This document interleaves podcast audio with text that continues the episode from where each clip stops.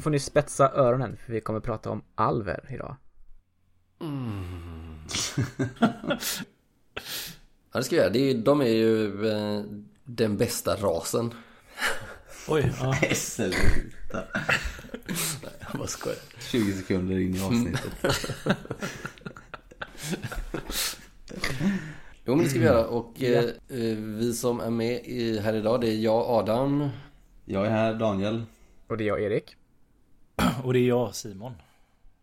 Vilket innebär att vi saknar vår eh, femte Kumpan. kumpan, musketör tänkte jag säga. Martin. Men han har ju bidragit ändå. Han har skrivit massa frågor som vi ska försöka besvara på det här ämnet. Alver som vi ska prata om idag. Det var ju Martin som valde det här ämnet då. Martin har valt ämnet. Fast han är inte med nu, så att hans första fundering är alltså vad är en alv? Och där vet jag att du har förberett någonting, Adam. Ja, jag var ju tvungen att kolla upp det här för jag vill ju inte göra Martin besviken. Han har ju tyckte det var dags att vi satte oss ner och spelade in någonting. Och han undrade mycket om alver. Så alla vet väl vad en alv är, eller? Nej, han vet inte det. Så nu kommer svaret då. Det har väl rent historiskt förekommit eh, i främst nordisk och brittisk folktro från början. Och eh, i Skandinavien har det här ordet alv under olika tidsperioder varit synonymt med många andra naturväsen och eh, oknytt. Såsom vättar, tomtar, hustomtar, älvor. Det används ibland som samlingsnamn och ibland utbytbart med annat.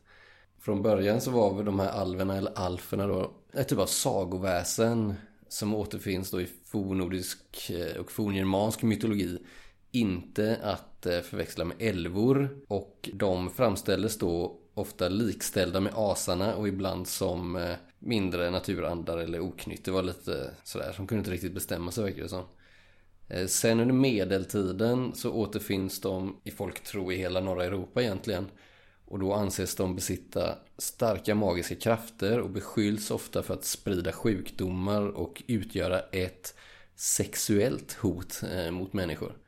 I Snorres Edda så skiljer han på himmelska ljusalfer och underjordiska svartalfer. Där de senare kanske bör förstås som det vi kallar dvärgar i fantasyn.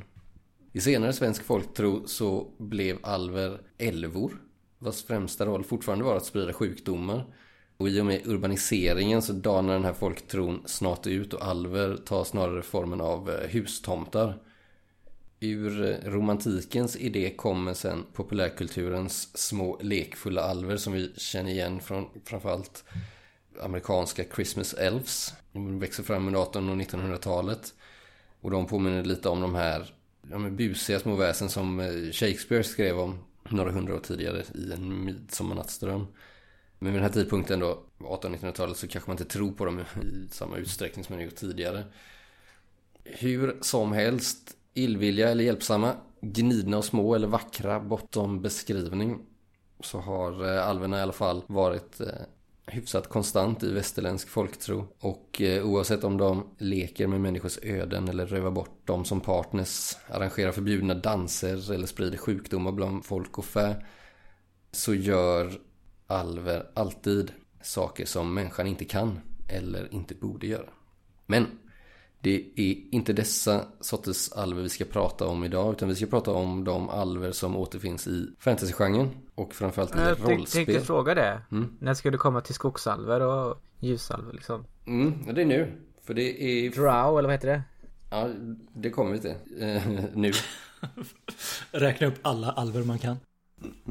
Under 1900-talet när, eh, ja, när fantasyn etableras som utpräglad genre inom litteraturen. Men det är först på 60-talet och i och med Tolkiens verk, mer än något annat kanske, som alverna så som vi känner dem vinner en plats i den breda populärkulturen. Och med eh, Tolkien så återpopulariserades idén om alver som mer människolika till storlek och maner om en gudalika så som de ofta framstod i de fornnordiska myterna. Och ur denna form har det därefter sprungit oräkneliga variationer av alver från alla möjliga håll inom genren, inte minst inom rollspel. Och det är ju detta vi ska prata om idag. Vi ska prata om våra åsikter och upplevelser av alver i rollspel, hur de kan arta sig, vilka likheter och skillnader det finns mellan olika alver i olika rollspel och framför allt om hur det är att spela dem och möta dem in game. Hoppas att Martin tyckte att det var ett uttömmande svar på frågan. Mm. Jättefin research du hade gjort Adam. Mm. Håller med. Det, Martin kommer bli jättenöjd med det. Jag hoppas det. Mm. Vi skulle kunna bara släcka ner där och säga att vi är färdiga. Ja. Han har väl en fråga där sen på tal om just likheter.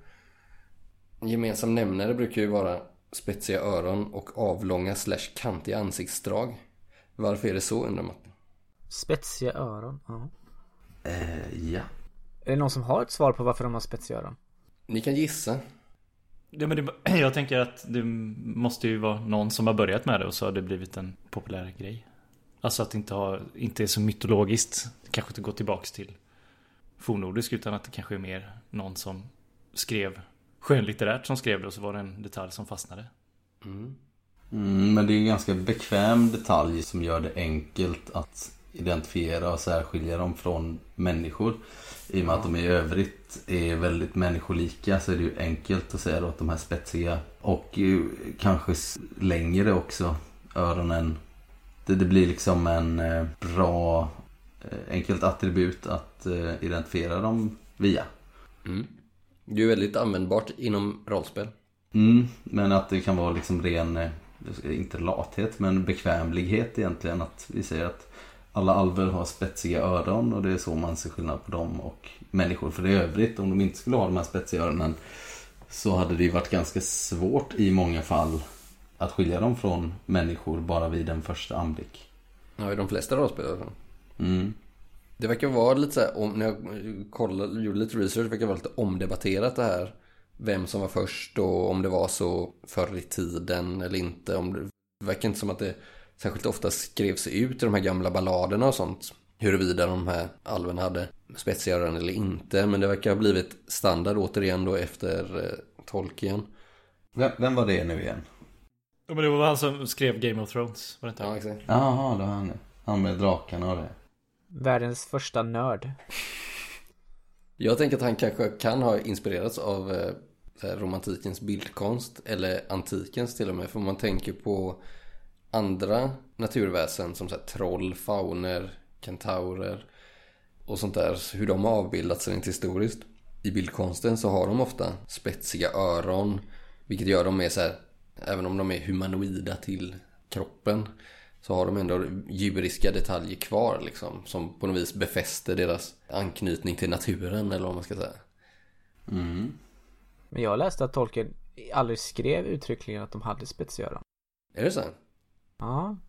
Men jag vet inte om det är sant men... Det, Men då kanske det det bara ligger i bildkonsten då att andra som sedan har illustrerat hans Mm. verk så att säga. Det var bara jag som läste att det var Tolkien men jag vet inte om det verkligen står det. Då måste det ju vara de som har illustrerat att det någonstans finns förborgat i den äldre tidens syn på eh, sagoväsen helt enkelt. Mm. Det ryktas att han har skrivit att de har lövformade öron, alverna. Sen eh, kan man väl tolka att det är... Undrar vilken typ av lönnlöv? Tre. Jag menar, det, det, det ligger ju ganska mycket tolkning hos läsaren då, vilken typ av löv man ser framför sig. Men... Eh, Men i övrigt liksom det här med att de har långa kantiga ansiktsdrag och de kanske ofta är lite ganska långsmala. Finlemmade. Gärna ljusa. Det känns som att det är något typ av ideal som de ska spegla liksom den så här lite bättre än människor. Är det bättre att ha spetsiga öron? Nej, kanske inte spetsiga öron då. Det är, det är nog mer en detalj som, som vi pratade om innan att det särskiljer Mm. oss dem från människor. Mm. mm, tydligen så ska det finnas någon typ av tradition i Europa åtminstone att eh, det här med spetsiga öron har med liksom det övernaturliga och magiska att göra. Mm. Ja, för människor, kan väl ha Människor med spetsiga öron. spetsiga ja precis. Att det skulle vara något tecken på att de är, har någon anknytning till magi eller svartkonst eller sådär. Mm. Så att det kan vara ett arv därifrån. Men också det här som du pratade om redan det. från liksom antiken. Att man avbildar satyrer och sådär med spetsiga öron. Satyrer var det jag sökte. Mm. Just det. Mm. Så att det är... Mm. Du får väl googla själv Martin. Ja, Bra nästan. svar. Ja, vad fan. Googla innan du skriver frågorna. Ska vi sitta och göra det här? Ska, ska vi sitta och sköta dina intressen? Mm.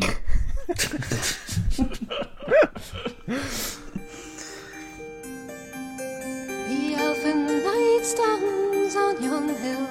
Oh, blah, blah, blah, winds blow. Oh, blind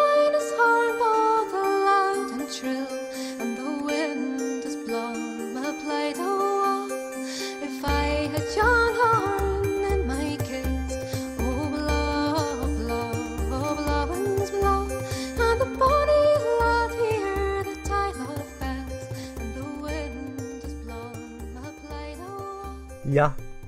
Vi har ju i de, det som vi har spelat och släppt i syndikatet. Vi har ju kört Symbarom där vi har stött på alver. Trudvang. Men även eh, Oktoberlandet. Och Kopparhavet. Nu senast. Senast säger jag, det var väl ett par år sedan i och för sig. Men eh, Mm. det är väl de jag kommer på. Det känns som att det var igår. Det är det vi har spelat i podden i alla fall. Så jag sa, Simon, du har ju spelat D&D typ dagligen. De senaste sju åren. Dagligen. Jag har ju spelat lite Warhammer Fantasy RPG. Ja, där finns det ja. Mm. Jag finns- tänkte att vi skulle faktiskt prata just om det för de Mm. tidigare då i Warhammer Fantasy-settingen så var de ju väldigt duktiga på att ta alla såna här eh, stereotyper till sitt max om man säger.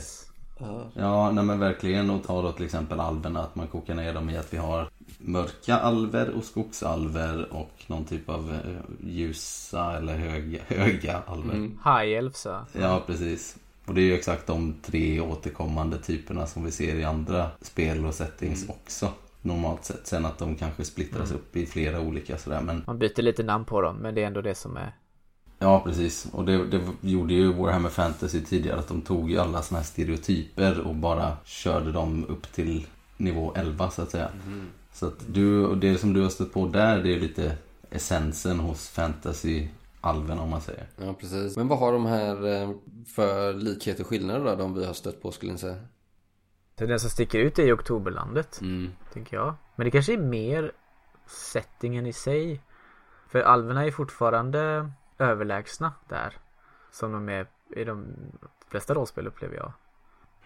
Ja, jag tror skillnaden där är att det är mer klassbaserat Ja, än någonting annat. De är mer symboliska.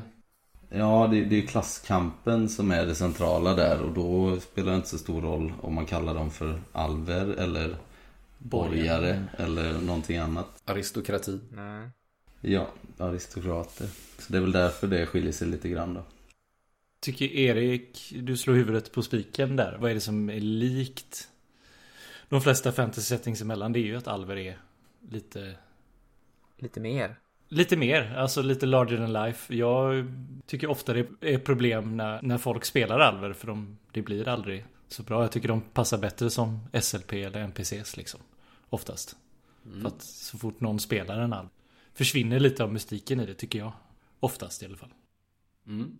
Ja, men det beror också mycket på vilken setting det är i övrigt. Som jag, känner, jag, jag känner inte att det problemet fanns när vi spelade Kopparhavet till exempel. Nej, Nej. inte Oktoberlandet heller. Nej. Men det är nog för att eh, den, det du eh, beskriver där Simon, det är nog den här äldre varianten av alver. Det känns som att många rollspel har ansträngt sig för att ta ner dem på jorden lite. Och vi kommer Mm. in på det nästa. Jag tror så Martin har skrivit en annan fråga om det här med måste alver vara modifierade? Ja. Men det blir, det blir för mig blir det ju en sån konstig om man ska överanalysera det lite. Alltså om man sätter ihop en grupp där det är liksom en spelar en 17-åring, en spelar en uråldrig 2000-årig alv och en spelar en 400-årig dvärg. Alltså så här, Mm. det går ju inte. Eller det blir svårt i alla fall tycker jag. Att göra Ja, det nej, men det, det är väldigt trovärdigt. Det är väldigt beroende av spelvärlden då som sagt. Om man vill ha någon typ av mystik kring alverna i spelvärlden. Då gör man sig ju en otjänst genom att spela en som rollperson. Mm, Och det är lite det, det här problemet som vi återkommer till så många gånger innan också. Att du vill ju Du vill ju ha en rollperson som du kan sätta in i vilken situation som helst utan att det skär sig med bilden av din rollperson. Du ska kunna ramla av hästen och rulla i Mm. gyttjan utan att det blir ospelbart. Och det är ju svårt med en 2000-årig alv då som kanske Ja. egentligen bara, bara är där för att vara mystisk och eh, inte säga så mycket. Stå med en eh, kåpa över huvudet och, Mm. och yttra luriga fraser. Det passar liksom inte med kärnan i rollspelet. Nej, och det är också, alltså i rollspel, där börjar man ju oftast i alla fall på samma nivå. Alltså man börjar på level 1. Men jag har alltid så svårt att rättfärdiga mig för mig själv hur en 2000-årig alv är lika bra på att skjuta båge som en bondpä som är 17 liksom. För att du borde ha Mm. spenderat 1900 år av ditt liv på att göra något hantverk perfekt, tänker jag. Om man, har, om man är så gammal liksom. Mm. Men det kan ju vara att de är väldigt slow learners. Men då är de inte så mycket larger than life än någon annan egentligen. Nej, jag håller med om det. Men det känns som att vi har inte haft det problemet i vår spelgrupp sedan vi var typ 16 kanske. Nej, men det är ju för att det är väl ingen som har spelat alv egentligen. Förutom i Oktoberlandet. Heller. Halvalv är väl det närmaste vi har kommit i Trudvang. Mm, du spelar ju halvalv i uh, Trudvang där. Mm. Men då var det ju lite också så att vi försökte ta vara på det lite mystiska. Att du var inte så helt införlivad i den alviska delen av ditt arv så att säga. Nej, precis. Men det är lite så vi har löst det i Kopparhavet också. Nu har vi bara kört en kort grej där men jag, jag hittade ju samma lösning för Ylandar i Kopparhavet. Att han egentligen inte har vuxit upp i den alviska kulturen om man säger. Utan han blir mer som ett eh, Stadsråtta. ja, men föräldralöst gatubarn vilket som helst. Sen att, att han då är alv i botten det, det spelar liksom inte så stor roll. Mm. Jag kan ju bara dra lite kort där med Kopparhavet. De var gudalika från början liksom, enligt storyn. Men att eh, de dyrkar ju den här Moder Jord. Mm. Och sen så skedde den här katastrofen när Moder Jord försvann. Och då försvann också deras odödlighet. Och de liksom blev mer människolikna. De föll ner liksom kan man säga. Från sin tron. Så jag tror att de har försökt, som vi snackade om innan, att man liksom tar ner dem lite från den här överlägsenheten. För att göra dem mer människolika liksom. För i övrigt så tycker jag nog att Kopparhavets alver är väl de som är mest eh, generiska. Eller förstår du vad jag menar då? Jämfört med de andra spelen vi har spelat. Symbarom är de ju oerhört annorlunda skulle jag säga. Från den typiska Tolkien-alven. Stereotypen. Mm. Oktoberlandet är de ju också något helt annat. Där är de mer en symbol. Och i Trudvang så finns det väl ganska solklara likheter med den. Eh, men det finns ändå twist på Trudvang-alverna. Medan Kopparhavet, det är väl mer att de var som Tolkien-alver. Men att de har fall from grace lite kanske. Mm. Det kanske får göra dem mer spelbara som du säger. Det står, det står till och med att eh, några stannade i skogarna, andra vandrade ut till städerna eh, och en del lämnade på förtrollade skepp bortom horisonten. Mm, så det låter ju lite så- som Tolkien. Men, men jag håller med dig. Det är lite mer likt eh, standardalverna liksom. Mm. Typiska. Men det, jag tycker att det funkar ganska bra. För att när man eh, inte skriver så detaljerat och gör lite mer som eh, Warhammer liksom, som du sa Daniel, med det här att man skruvar upp det bara. Då är det ganska, stereotyperna är ganska lätta att spela på liksom. Men de behöver fortfarande inte vara så överlägsna. Och då är det lättare att få in dem i gruppen. Som, som Simon sa, att man inte känner att man är så... Man behöver inte vara 2000 år gammal och det blir väldigt svårt att spela det liksom. Mm. Men alla de här alverna som vi har spelat, de här settingarna, de är ju ändå långlivade.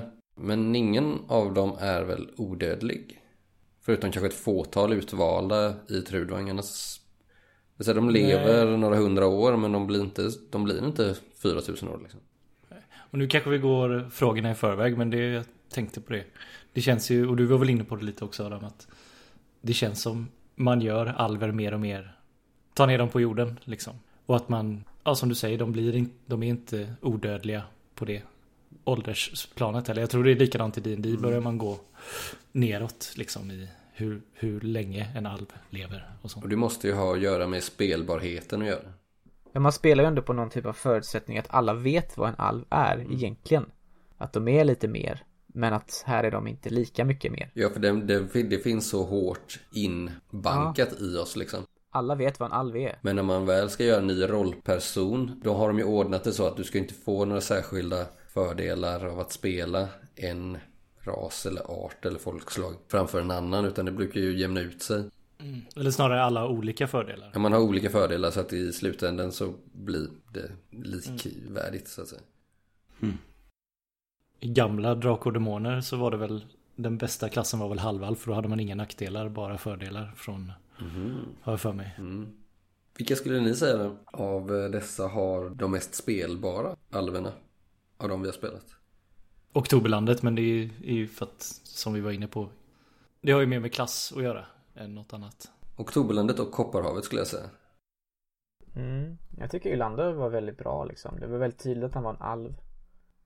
Ja, Och det är inte lika big deal att vara i, alltså om jag tänker så här att om du är i en setting där det inte är en lika big deal att vara alv så är det ju också bekvämare att spela den och att bemöta den som motspelare liksom. Men om, att, om någon skulle komma i Symbarom eller Trudvang och vara alv så skulle det, om man är lite inläst och försöker göra settingen rättvisa, vara en lite big deal liksom.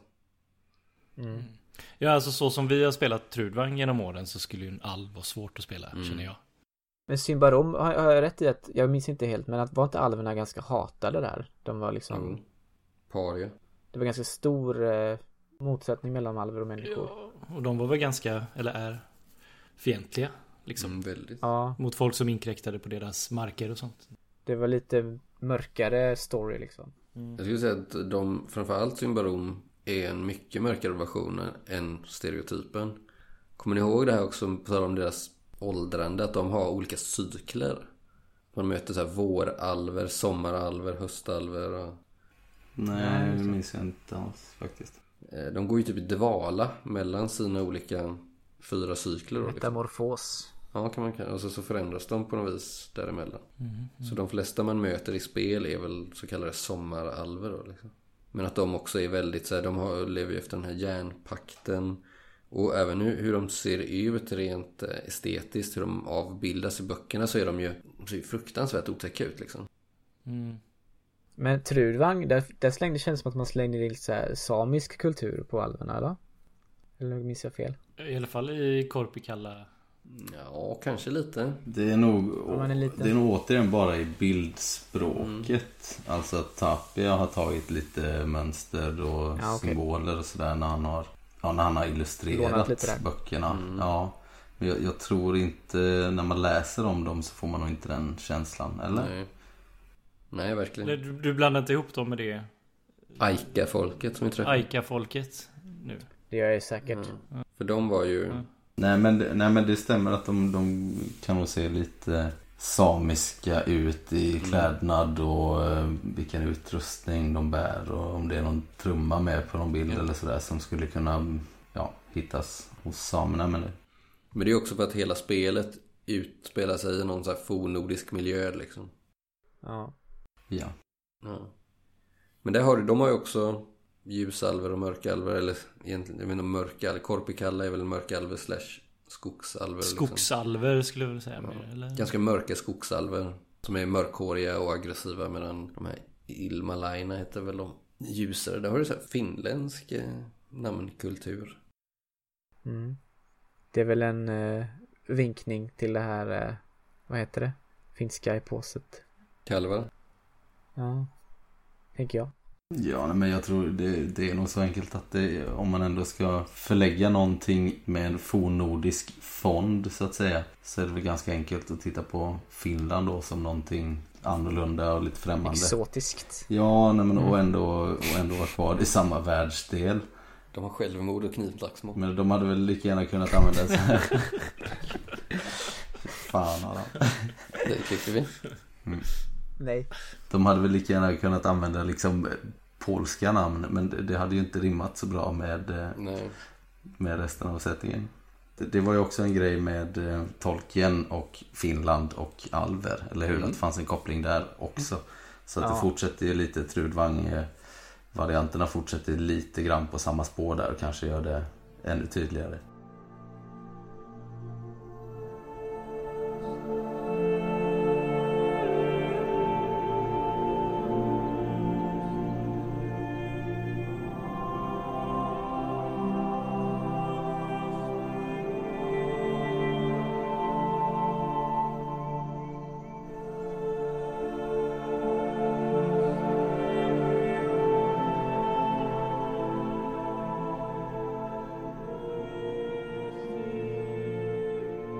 Kör vi eller? Ja, vad, vad, vad sa vi? Eh, vi tycker att eh, Oktoberlandet och kanske Kopparhavet är lättast att spela.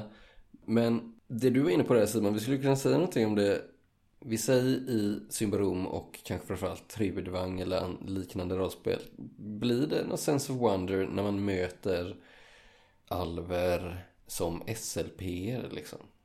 Eller handlar det bara om hur pass eh, bra spelledaren eh, sätter den scenen i så fall? Det beror väl framförallt på spelledaren. Men alltså, Men det är väl som alla Sense of Wonder, det ligger ju liksom på allas ansvar. Mm. Att man skapar det då, tänker jag. Att ens karaktärer reagerar Mm. så som man borde göra. Mm. Det kan ju inte bara ligga på SL, tänker jag. Det är ju samma när du presenterar ett fantastiskt monster eller bevingad häst eller vad, vi vad du än vill. Jo, men det, det ligger ju också på spelledaren att sätta in det i rätt kontext. Ja, men så att man får den mystiken. Det är inte så här. Om du i Trudvang ska gå in på utedasset och där sitter en alv. Det blir liksom inte så mystiskt och häftigt. Och Nej. det blir ganska svårt att spela på. Men, men att bara se dem över ett, eh, en snötäckt kulle liksom mot eh, siluetten av ett par granar. Det blir en helt annan sak. Precis, eller att bli insläppt i gläntan där de sitter och har något rådslag liksom så här 34 spelmöten in. Det kanske också kan bli Ja. lite mäktigt liksom. Har vi några mer frågor från eh, Martin? Det har vi. Eh, han har eh, han har gått loss ordentligt på tema alver och eh, undrar eh, så här. Alver delas ofta upp i distinkta varianter med stora skillnader. Mer så än människor, dvärgar, orcher eller andra klassiska fantasy-raser. Vad är anledningen till det? Och även en följdfråga som vi kan ta på samma gång kanske. Mm. Finns det fördelar slash nackdelar slash fallgropar med att behandla alver som helt olika arter eller som folkslag inom samma art? Är vi med på frågan? Det var lite det som vi touchade på när vi pratade Warhammer Fantasy kanske framförallt. Mm. Att vi har liksom, vi, vi har tre olika sorter där då. Mm. Som också kan gå igen i flera andra rollspel eller spelvärldar eller, eller böcker Trudvang eller har ju filmer. eller? Trudvang har ju två av de tre. Två ihopslagna. Kopparhavet är det inte så utstuderat men det finns säkert olika. Jag tänker Dungeons and Dragons finns det väl mer än, jag vet inte, fem? Du, du, du är nog bättre på det Simon än vad jag är. Det beror på hur många böcker du har köpt. Mm. Ja ja men jag, jag kan faktiskt inte det jättebra. Vi har inte stött på så jättemycket.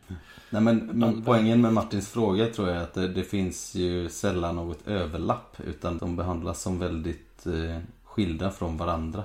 Mm. Särarter som inte liksom beblandas. Och gör de det är de oftast fientligt inställda till varandra då. Det kan ju ligga någonting i det. Det känns som att det är ganska förenklat. Jag menar det finns ju olika människokulturer i de flesta rollspel. Olika liksom länder. Menar du frågan eller?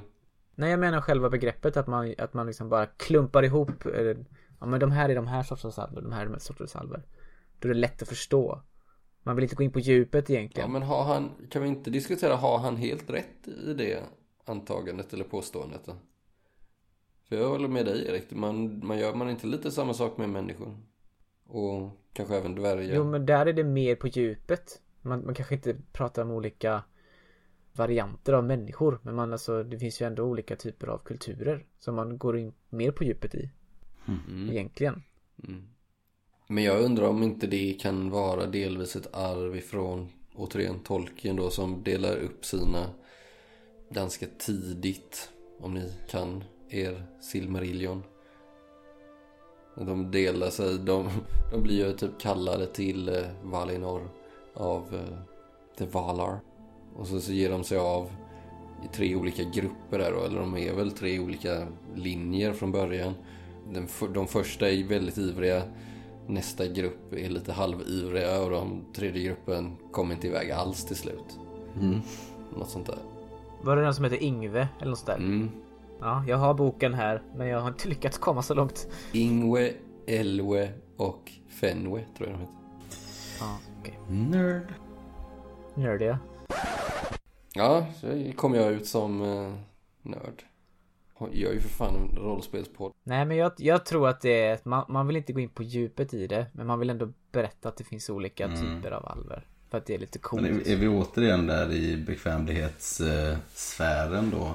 Att man gör så tydliga skillnader för att de ska bli intressanta på ett väldigt så här ytligt sätt. Snarare än människokulturer som ju har lite överlapp och ja, vad fan det nu var jag skulle säga. Men jag har en spaning som jag kom på nu då. Kör. Ja. Eh, Kan det vara så att distinktionen mellan olika alvvarianter till skillnad från människor, dvärgar och orker den baseras inte bara på så här att de ser olika ut, att de har olika traditioner och olika kulturer utan även baseras på hur pass ädla eller rent av hur pass goda slash onda de är.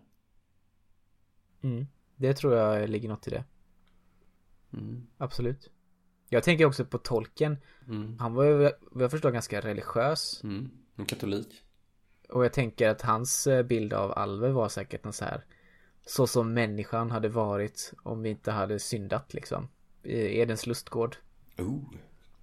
Mm. Det är liksom de här ädla, perfekta Lite mer liksom eh, Mac människa med plusmeny liksom Bara lite mer Mm.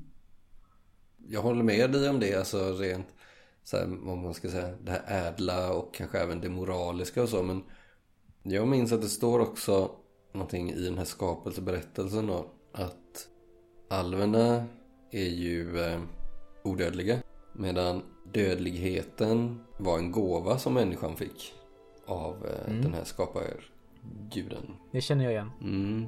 Vilket ger deras liv mening. På ett sätt som alverna inte. För när, när alverna dör så kommer ju de till, eh, vad heter det? The Hall of Mandos. Men vad som händer med människans själ vet man inte, så att säga.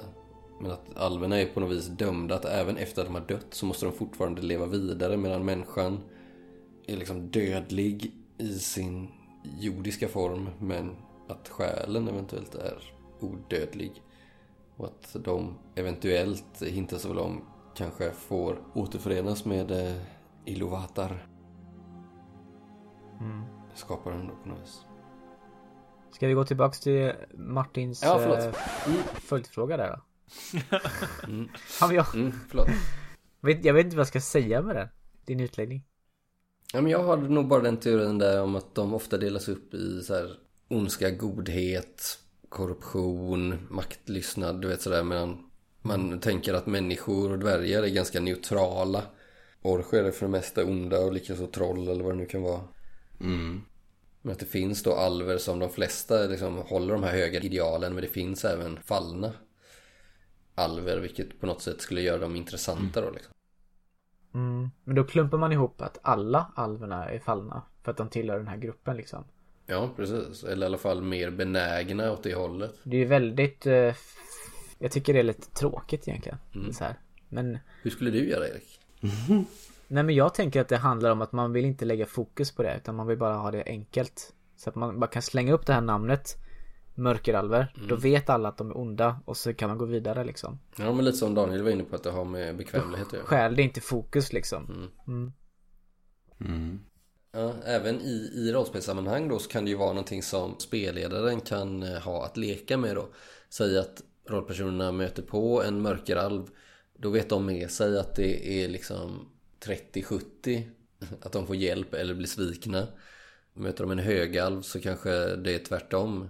Och då kan man så här, mm, ska de lita på den här mörkeralven eller inte? Och så kanske de väljer att inte lita på den och så var den alven jättesnäll egentligen. Förstår du vad jag menar? Att det, det går ju att använda sig av in-game. Man spelar på Ja. kanske inte bara Fördomar. rollpersonerna utan till och med spelarnas eh, förutfattade meningar liksom. Mm. Kommer jag få rätt i mina fördomar mot alver liksom? Alltså, jag tänker att den stora skillnaden är väl också att i de flesta rollspel, människoraserna eller folkgrupperna har ju oftast en riktig förlaga, alltså en historisk förlaga. Medan alver kanske oftast inte har det för det är en påhittad Ja, precis liksom ras. Eh, Jag menar nästan alla folkslag i Trudvang till exempel, eh, människofolkslag, de kan man ju hitta i historien. More or less liksom. Eller så liksom. Man kan hitta eh, i alla fall många kopplingar. Kanske inte helt karbonkopia men alltså man kan hitta många sådana. Medan Alver har ju inga förlagor på det sättet. Förutom Alver i andra fantasy Det settings. finns ju säkert rollspel där man gör det. När man liksom målar upp Ja, absolut. jättestora. Men det blir väldigt komplext att hålla reda på allt det där liksom. Mm. Jag tror Martin har en liten fråga om det senare. Nu ska vi gå vidare till nästa. Då har Martin ställt en fråga här. Jag ska se. Alver ses ofta som ett med naturen och att deras öde är sammankopplat med platsen de lever på. En slags romantisk bild av det gamla bondesamhället. Låter som Martin där. Samtidigt som de även ses som intelligenta, teknologiskt framstående och eller lider av någon slags Ikaros syndrom. Finns det andra mytologiska väsen slash fantasy-kreationer som har samma bredd? Och är det bara för att de ses coola som detta fungerar? Gör de verkligen det?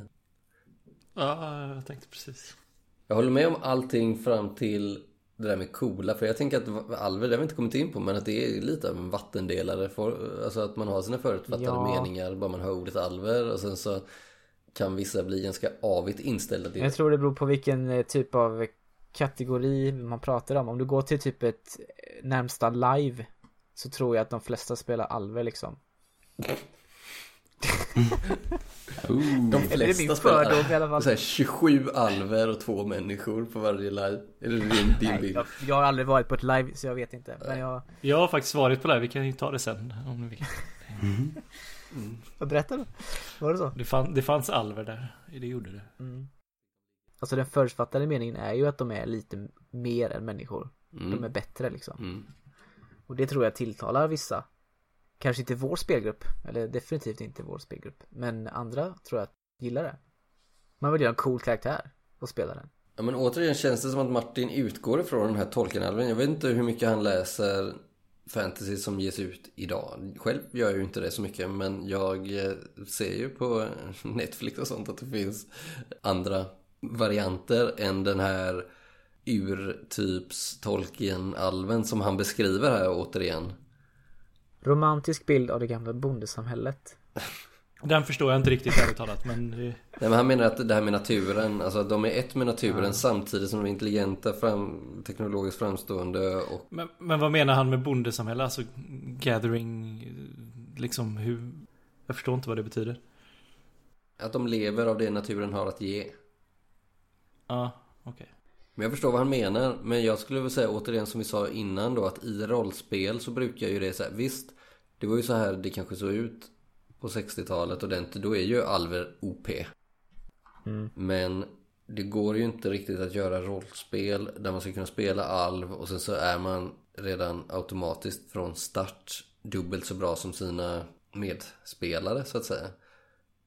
Det går väl men det är inte så roligt. Det sker ju sällan. Det, det känns ju som att det, är liksom, det ska vara så rättvist och Lika många erfarenhetspoäng. Fast det hade, ju, det hade ju kunnat vara jäkligt kul att göra så.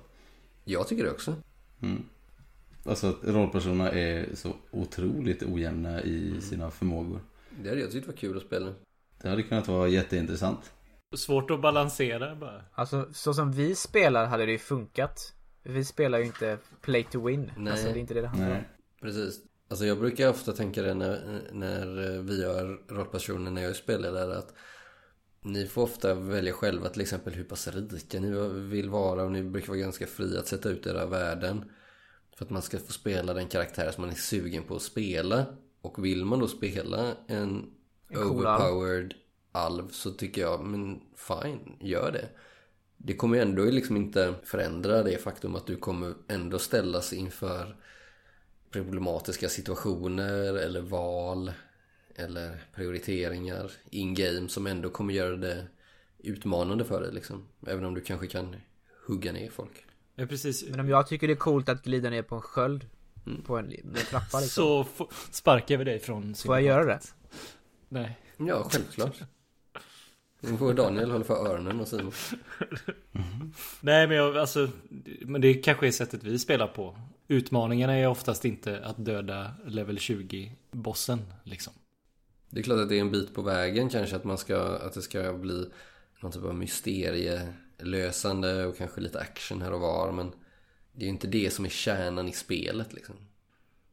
Nej, och kollar man typ Ska man ta Sagan och ringen som förlaga den The Fellowship Där är det ju en väldig Blandning på skill och kunskap i den gruppen egentligen Om man ska Sen blir ju alla hjältar På ett eller annat sätt ändå liksom Jag vet inte, vad, känner ni? Jag har inte haft några problem om jag var, hade så mycket, en fjärdedel så mycket skapelsepoäng som någon av er andra i gruppen hade. Det hade inte gjort mig något. Vad känner ni?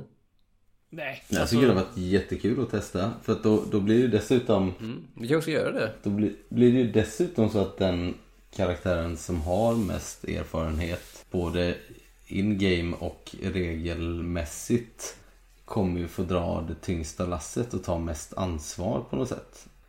Spindelmannen-citatet. Exakt.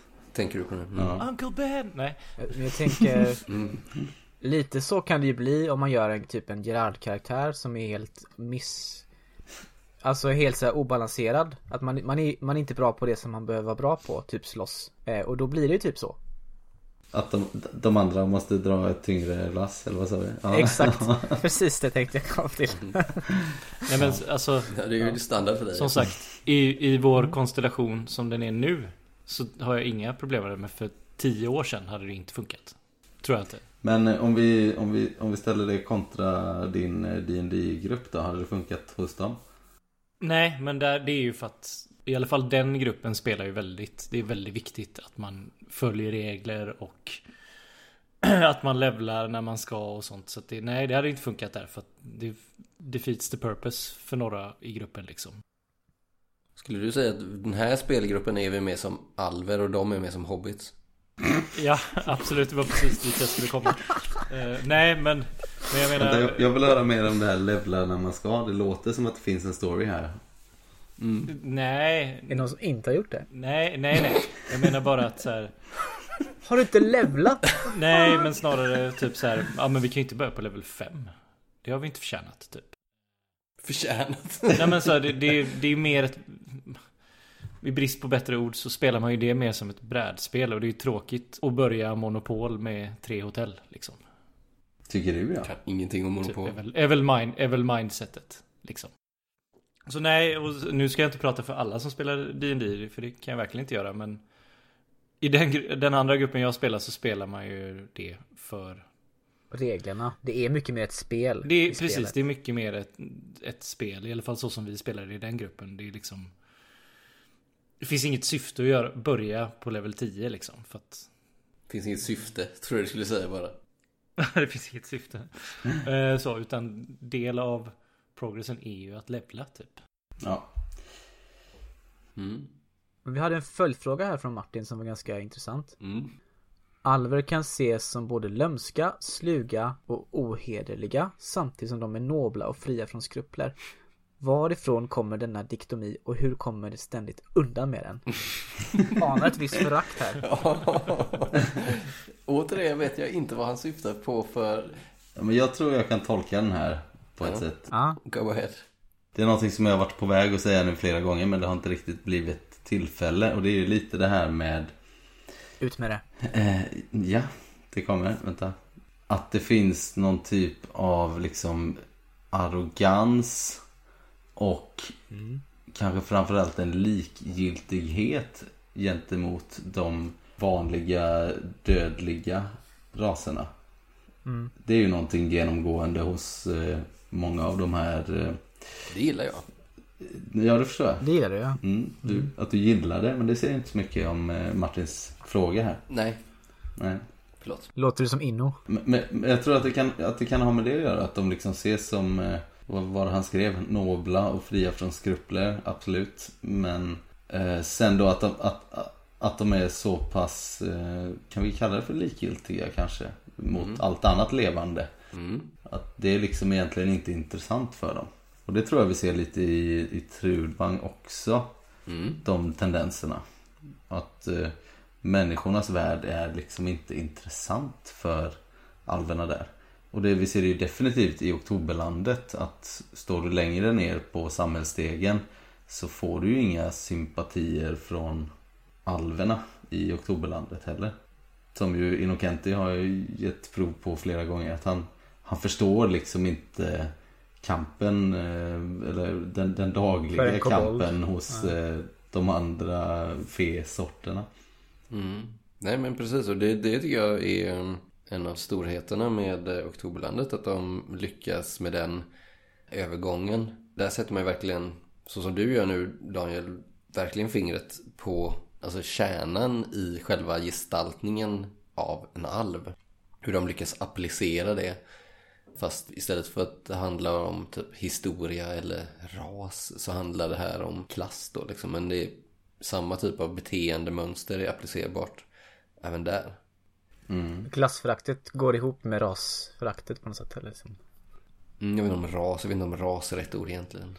Nej men det är ju ändå olika typer av... Art kanske man ska säga. Ja. Nej men jag tycker Daniel slår huvudet på spiken där. Alltså varför ska jag... Om jag är en 2000-årig alv. Varför ska jag blanda mig i en konflikt människor emellan när jag vet att om 70 år är det ingen som kommer ihåg den konflikten ändå. Men jag är kvar. Liksom. Mm. Jag antar att det är där, det som kan framstå som arrogans och ja, någon form av übermensch mentalitet. Liksom. Mm. Nu pratar vi raser och übermensch. Det blir lite... Nej, kanske inte, ska använda, kanske inte ska Ja. använda ordet übermensch. Men kommer de verkligen, han säger återigen det här med, alltså först är det för att de ses som coola och sen de kommer ständigt undan med det. Men jag tycker fan inte de gör det. Jag har uppfattat att det är ganska många, om du säger alver till folk som är lite tuffa eller sådär.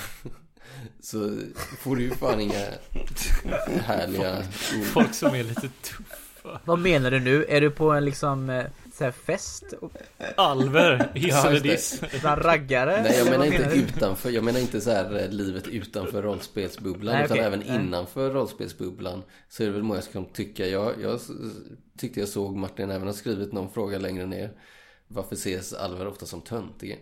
Kanske inte var han som hade skrivit den frågan, jag vet inte Jo det var det säkert, jo det var det. Han är lite så Men eh, är inte det, det är väl snarare min Men det kan, har det att göra med att jag är lite mer pro-elf och Martin är lite mer Anti. against elf Mm. Eh, Så han, han uppfattar det som att alla tycker att alla är coola och jag tycker att folk uppfattar dem som töntiga. Som, som du är inne på, jag tycker inte de kommer undan med det. Nej, Jag inte tycker jag de konfronteras rätt ofta. Eller menar han att de kommer undan med det i spel kanske? Ja, fast det är just i spel jag tänker att... Okej, mhm. att eller i spel eller i... Det hade ju varit bra om han var med här och kunde förklara Ja. sina frågor. mm. Får ringa honom. Istället för att dra på så här businessresa till Barcelona eller vad han Vi får, återigen, vi får sitta här och gissa vad han menar. Kom hem Martin. Vi börjar om igen.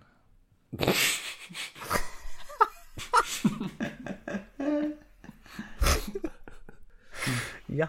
Nej men om, om man tänker sig hans fråga där hur de kommer undan med det som i, In game. i spelvärlden. Att de kan vara både ja, och. Precis. Ja, väl ja det. det är väl det precis att de Att de kan vara både och utan att eh, det blir någon riktig konflikt där. Det tror jag är, är helt och hållet på vem som är betraktaren då. Mm. Så att det, Mm. Ja, det finns det var ju det. egentligen ingenting som talar emot att du kan vara nobel och eh, fria från skrupler samtidigt som du är lömsk, slug och ohederlig mot andra då. Nej, precis. Det låter ju som ett privilegium. Mm. Och det är väl ofta den rollen de kanske har. Gestalta någons... Återigen som i Oktoberlandet, de är privilegierade liksom. Ja. Men okej, Mm. en, en... eh, Jag vet inte om det har med det här att göra. Men kan det inte också vara en sån grej som att... För det kan, det kan man ju uppleva nu. Om man hänger med någon som är Alv. 10 10-15 år yngre än en själv så kan man ju uppleva att den personen bara upprepar saker och ting som man både tänkt och sagt för 15 år sedan och sen kommit fram till att Ja, Ja, ja, kommit fram till andra saker. Det kan inte vara så enkelt att Alver har gått igenom det här 700 gånger om de är 2000 år. Att de bara inte Mm. orkar prata Exakt. med folk Vi hade om, den här diskussionen med din farfar. ja, om samma sak igen. Mm. För, att, för att de vet att om tio år kommer du ha kommit till insikt att ja, just det, så är det mm. och inte så. Eh, så att de kanske tycker det är ointressant av den anledningen. Och som människa så känner man bara så här, boomer. Jo men, eh, ja, lite så. Ja, Alver är boomer. Alver är boomer, ja.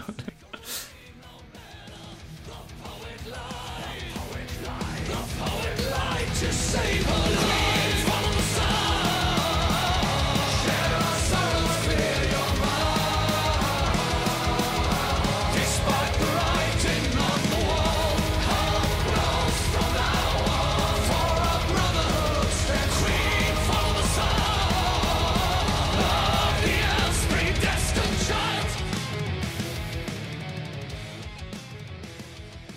Ja, vi går vidare till nästa fråga då.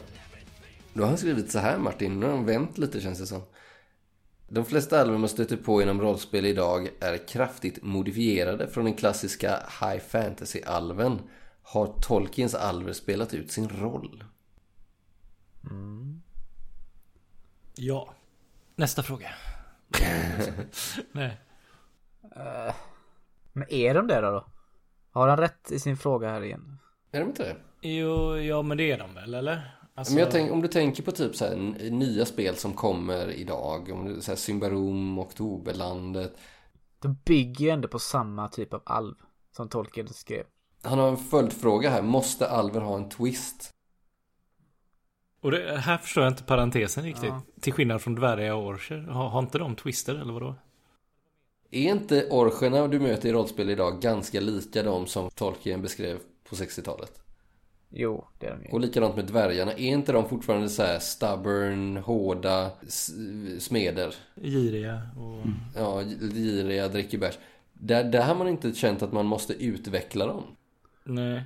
Det är klart att det finns variationer på dvärgar också och de kan ha olika namnkulturer och sånt där.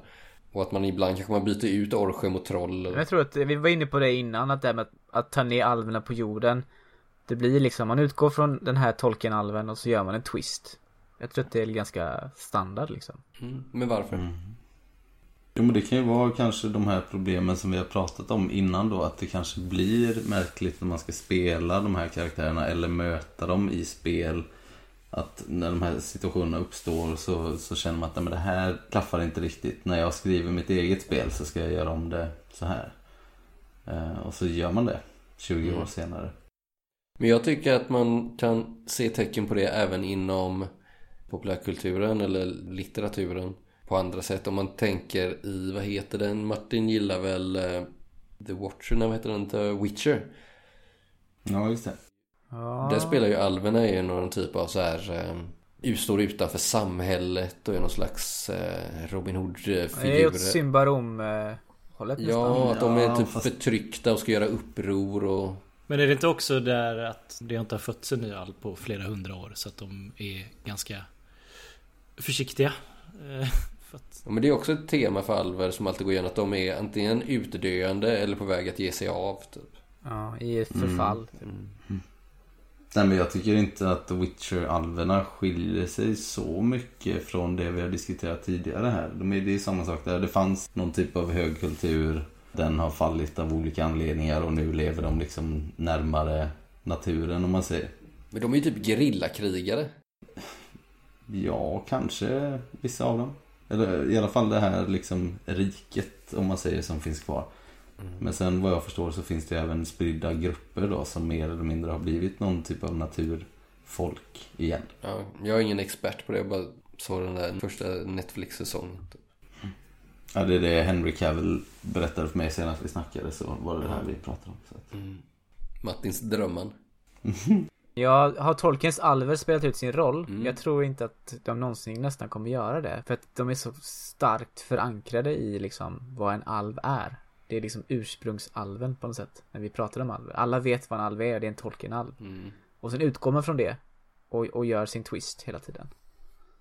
För jag tänkte på det nu när jag såg Rings of Power. Även i den här filmatiseringen så har man modifierat alverna. Och då syftar jag liksom inte på så här hudfärg och frisyrer och sånt utan på deras karaktär liksom. Det, det är flera av huvudpersonerna som är alver. Och det känns som att skaparna av serien har så ansträngt sig för att göra dem mer mänskliga för att kanske tittarna ska kunna identifiera sig med dem på ett sätt på samma sätt som äldre stories ändras för att de ska passa vår tids värderingar eller vad man säger. Vilket jag kan tycka är lite synd. Jag föredrar nog liksom så här, det är ingen kritik mot serien, skit i vad de håller på med egentligen. Men jag föredrar nog de här alverna som är svåra att identifiera sig med även inom rollspel. För det är ju hela grejen med dem. Att de är någonting annat än det här mänskliga liksom. Jag tycker det kan vara lite fett med de här larger than life alverna. Men de får ju inte dyka upp för ofta. Och som sagt, storyn måste ju på något vis, eh, vad ska man säga, inte förtjäna dem. Men det måste, Men jag fattar vad du menar. Det är inte samma sak som att ändra att det inte bara är vita män. Som när Tolkien skrev sina berättelser liksom. nej, det är inte det det handlar om. Att man behåller alverna som ett mer mytologiskt väsen. Då behöver de inte vara människolika liksom. Mm. Mm. Mm. Men de måste ha en twist, tycker ni eller? Mm. Nej men det blir ju mer intressant tycker jag. Sen eh, hade det ju varit eh, trevligt med, eh, som jag ser den här, att man suddar ut de här gränserna lite mellan olika sorter. Då tänkte jag på också egentligen de här Elder Scrolls eh, Mm. spelen. Där är det ju återigen då de här tre typerna. Mm. Mm. Mörka, skog och eh, haj så att säga. Mm. Eller ljusa. Kommer du ihåg namnen då? Eh, ja, det är klart det är. Jag har kört Oblivion. Mm. Vet vi det?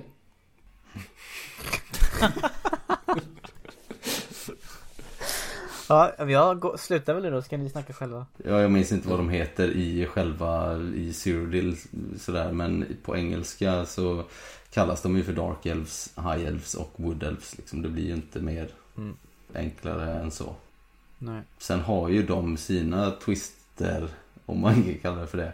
Allting är ju superflippat i den världen. Men eh, det är ändå samma uppdelning i de tre då. Mm. För så har man ju inte, den uppdelningen har man ju inte för människor och dvärgar. Liksom. Nej, det är det jag tänker också. Men det återkommer hela tiden. Mm. Det är speciellt. Men tycker ni då, som följdfråga på detta, att när man Mm. spelar alv bör man eftersträva att spela den i enlighet med spelets beskrivning av alver? Eller tycker ni att det alltid är fritt fram att göra sin egen tolkning oavsett setting? Alltså, när det kommer till rollspel så är det ju ofta, när man gör sin karaktär, så kan man ju ofta utgå från en stereotyp av en typ alv eller dvärg. Och sen göra sin twist på det. En dvärg som eh, älskar solen eller liksom så här. En alv som eh, tar lätt på livet och inte är sådär, eh, alltså man kan ju spela på stereotypen. Mm. Det är ju ganska vanligt liksom. Jo men jag menar till exempel vi, Om vi spelar Symbarom Det går ju att välja att spela alv Hade ni känt att det var helt okej om Simon får för sig att spela en Tolkien-alv då liksom? Till inte bara utseende utan även till maner och Och bakgrund och grejer Ja. också. Mm.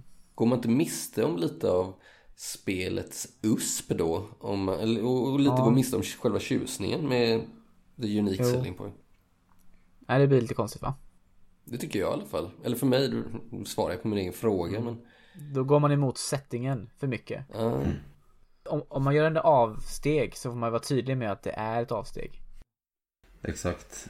Jag minns ju när vi skulle spela Drakar och Demoner Trudvang någon gång på ett konvent ihop med en kille som Just det Jag behöver inte gå in för mycket på det men han hade ju missat hela poängen med Mm. den spelvärlden då. Och Mm. det, det gick ju liksom inte. Han var ju mer inne på anime-spåret. Ja Som överhuvudtaget inte passar med den Jag spelvärlden. kommer från öknen sa han Ja, det sa han. Det finns liksom ingen öken i det, den världen Nej, det var en märklig upplevelse. Men där också, då, då, det, det är inte unikt för just alverna menar jag. Att tar du, tar du någonting som inte hör hemma i spelvärlden och sätter det i spelvärlden så blir det ju en friktion som jag tycker den är jättejobbig.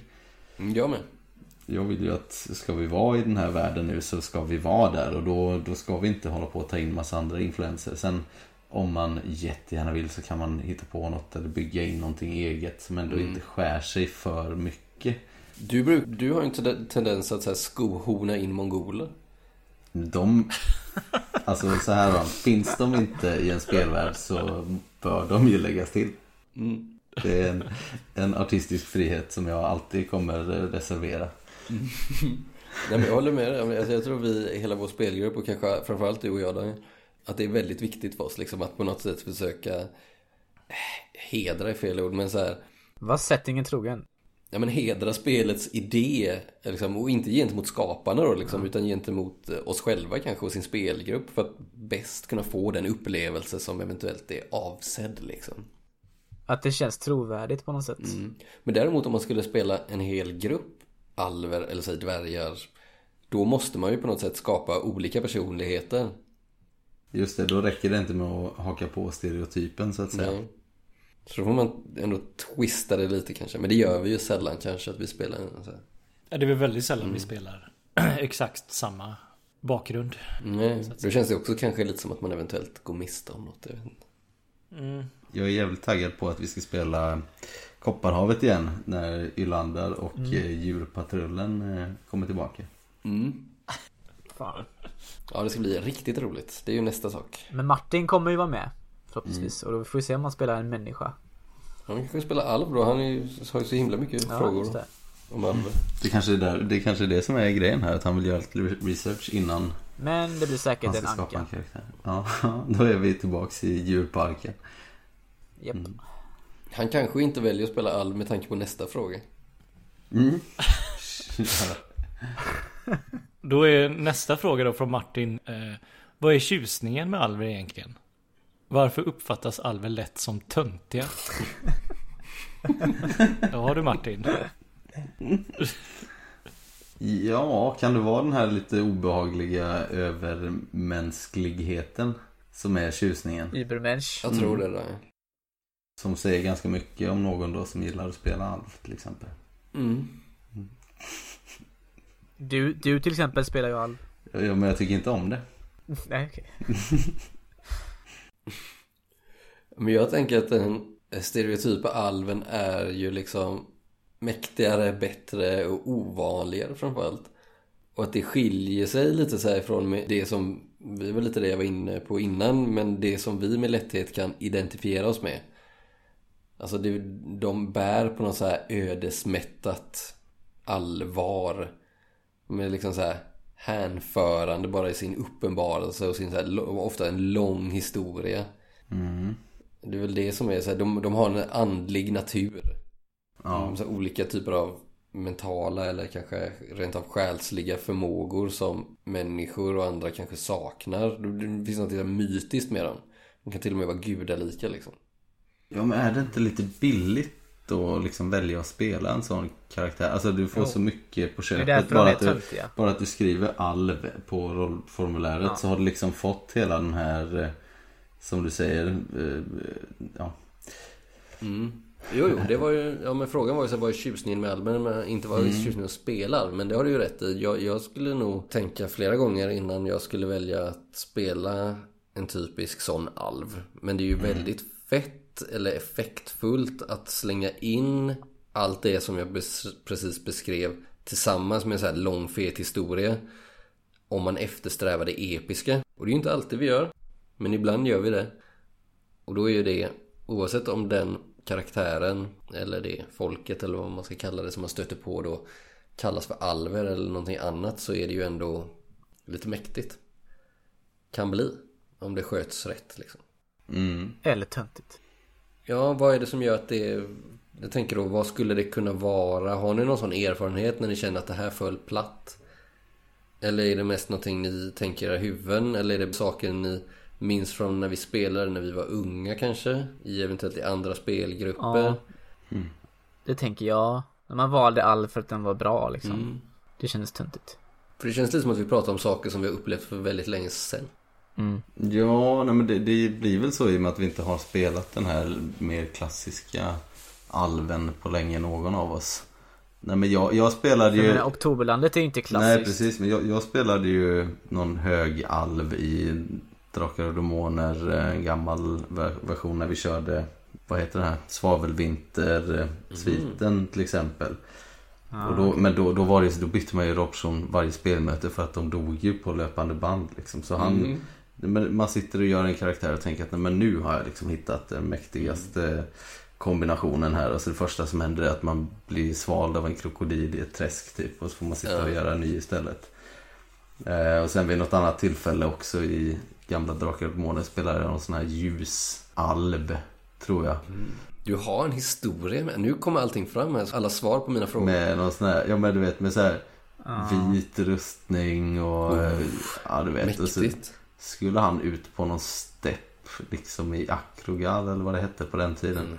Funkar inte alls. Och blev nedklubbad av en minotaur typ. Så att det, det är också så här, som jag säger, man måste göra en karaktär som ändå platsar i alla situationer som kan uppstå utan att det skär sig.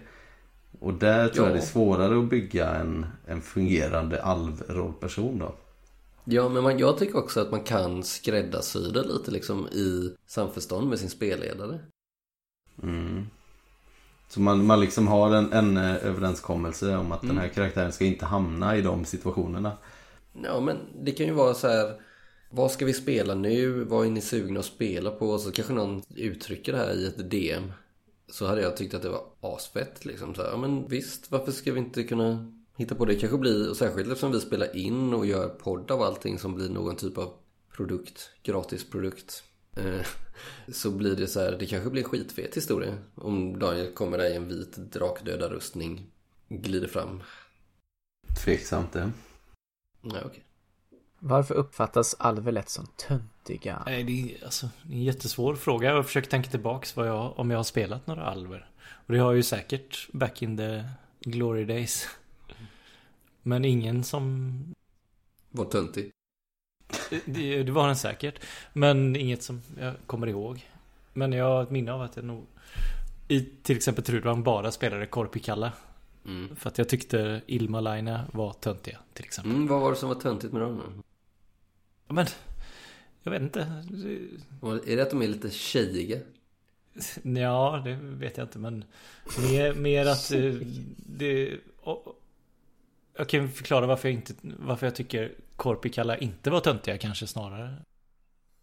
Vad är det då? Ja men de var så här Coola lite så hårdrock, hård, hård, hårdrockar Hårdrockaralver Nej men så. Ja. Jag har aldrig, aldrig.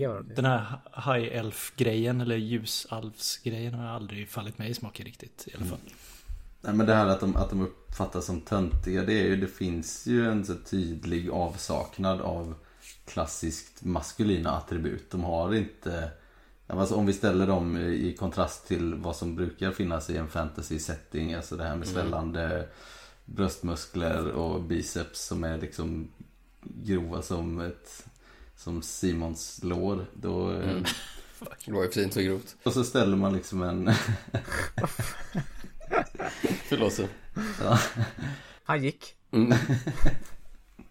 Så ställer man dem bredvid den här typiska alven då så ser man ju att men shit, den här är ju, det finns ju ingen, inget maskulint här. Mhm. Att det är därför kanske att kontrasten blir så mycket tydligare i en fantasy setting. Machokomplex helt enkelt. Ja men lite så. Det är samma med, med dvärgarna liksom som är på något Mm. sätt också så maskulinitet uppskruvat till max. Det, det finns ju inte ens dvärgar av hornkön i många spel överhuvudtaget. Eh, och Mm. finns de så är det någon typ av bortglömd myt liksom. Mm.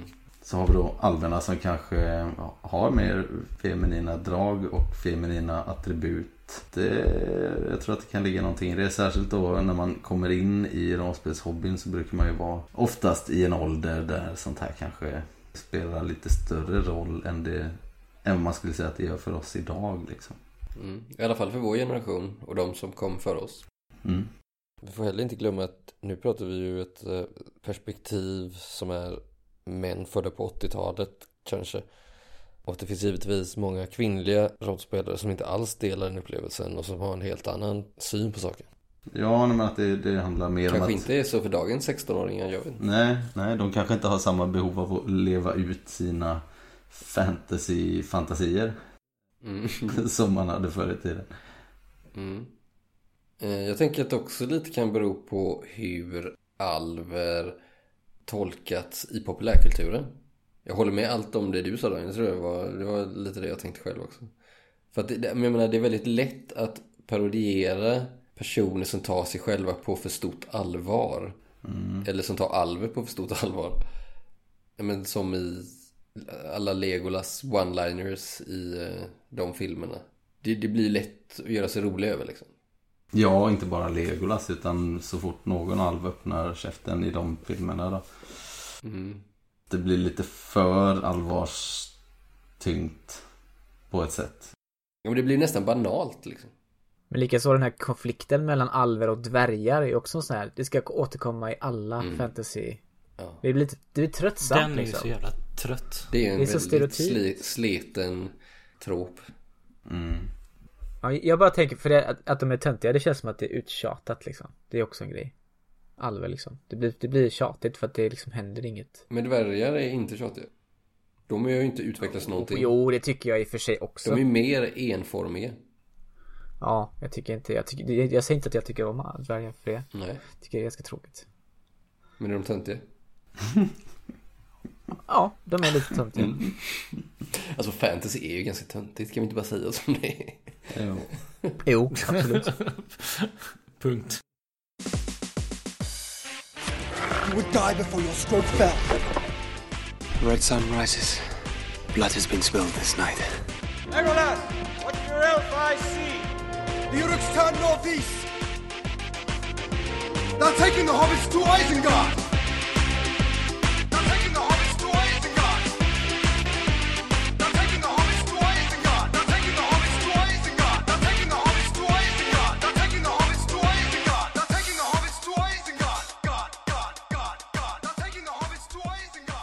Om vi fortsätter eh, plöja igenom Martins frågor där. Vi, vi kan ju säga så här att Martin har ju alldeles för många insamlade högskolepoäng egentligen. Och det kanske märks i frågeställningarna som kommer här efter. Nu skriver han Alver beskrivs oftast som vita, högburna, intelligenta, stoiska, vackra och klassiskt konservativa till sin natur. I vissa fall beskrivs de även som övernaturliga och till och med gudomliga väsen. Kan man då hävda att alver är en av de sista utposterna för undertäckt rasism? Deras motsatser är med få undantag mörkare i hyn, barbariska, kaotiska, österländska arketyper. Eller så är de fallna, se svartalver. Ja, För det första måste jag bara säga att rasismen behöver ju sällan vara särskilt förtäckt, eller vilket ord använder idag liksom. Det verkar ju gå jättebra för den helt öppna rasismen. Ja, och jag tror inte att eh, alver i fantasy-sammanhang är en av de sista utposterna. Nej, Heller för den delen. nej. Nej. Nej är svaret. Det tror jag verkligen inte att de är. Nej, jag tror inte heller det. Och, och det finns ju bra mycket värre exempel i eh, varje fantasy-setting vi kan tänka oss tror jag. Mm. Men jag förstår ändå lite vad han menar liksom. Och i de fall, alltså i alla fall särskilt i nu, nu eh, nyutgivna rollspel som överensstämmer med den här beskrivningen som Martin ger så tycker jag väl absolut att man kanske kan kalla det för rasism. Men jag tror att de flesta gör nog inte det längre eftersom det känns som att hela alv alvfolket, eh, rasen, är under rekonstruktion och sådär. Känns det som. Mm. Så det blir lite knepigt när man spelar. Man spelar ju olika raser liksom. Mm, det är ju det som är man grejen. spela en alv och säga Nej men vad, vad är du? Är du en alv? Nej jag vill inte säga det. Mm. Jag, jag kallar mig inte alv. Men han sätter ju faktiskt fingret på något där som är högst verksamt även i nutida fantasy. Det här med klassificering, kategorisering och värdering av eh, arter, raser och folkslag liksom. Ja. Det får man ju ändå säga. Det är ju lite undertäckt. Ja, det, det är ju det ordet rasism kommer ifrån liksom. Att man gör skillnad och Ja. värderar raser. Ja. Ja, men det är lite märkligt också att det då skulle ske att man, man identifierar sig med alverna när det i 95 fall av 100 så är ju centrumet för en fantasy setting någon typ av europeisk, eh, i alla fall engelsk eh, medeltids eh, kärna i det. Det blir lite, lite märkligt då för bara det är ju ett problem i sig. Att eh, det är det som är centrumet i de flesta spelvärldar. Då tycker jag inte att, att alvernas vara eller inte vara spelar så stor roll i sammanhanget egentligen. Nej, jag håller med. Det handlar ju om målgruppen liksom. Vad det är folk eh, känner igen sig i. Representation. Mm. Vilka typer av saker man inte behöver förklara för att det fattar man redan. Det är underförstått. Vad syftar du på? Nej men att man vet, om, om man lever i ett västerländskt land, då vet du, Anglocentrisk. då är det ändå en kultur som du känner igen. Du, vet, du, du kan lämna saker osagt lite mer. Ja, eller att tröskeln för att tillgodogöra sig spelvärlden inte blir lika hög. Åtminstone. Mm. Och det är väl lite det som vi har varit inne i tidigare när vi har pratat om E.ON till exempel. Att där är det lite högre tröskel för att tillägna sig i spelvärlden. Att, att göra den förståelig för sig själv. För att det inte finns lika många raka paralleller till saker i vår egen värld kanske. Som det gör i många andra spelvärldar. Jag tror det han far efter egentligen är väl just det här att det högsta goda också ska vara det vita och civiliserade. Kanske. Och att det är en trop eller ett tema som, alltså i alla fall från 60-talet fram till 2000-talet förmodligen var det förhärskande. Och det har väl att göra med att den litteraturen också uppkom i den vita privilegierade västerlandet kanske. Och att då, som du säger, som du var inne på där Daniel, att då ifrågasätter man ju inte det när du är i det själv. Om världen är rasistisk så kanske risken är stor att du själv råkar skriva ett rasistiskt verk. Även om det, du inte har för avsikt att föra den propagandan så att säga.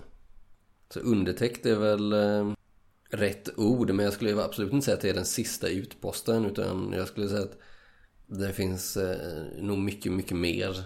Och sen framförallt då mycket, mycket tydligare och rent utav uttalad sådan. Jag tänker på det han skriver här, deras motsatser är med få undantag mörkare hyn, barbariska, kaotiska, österländska arketyper.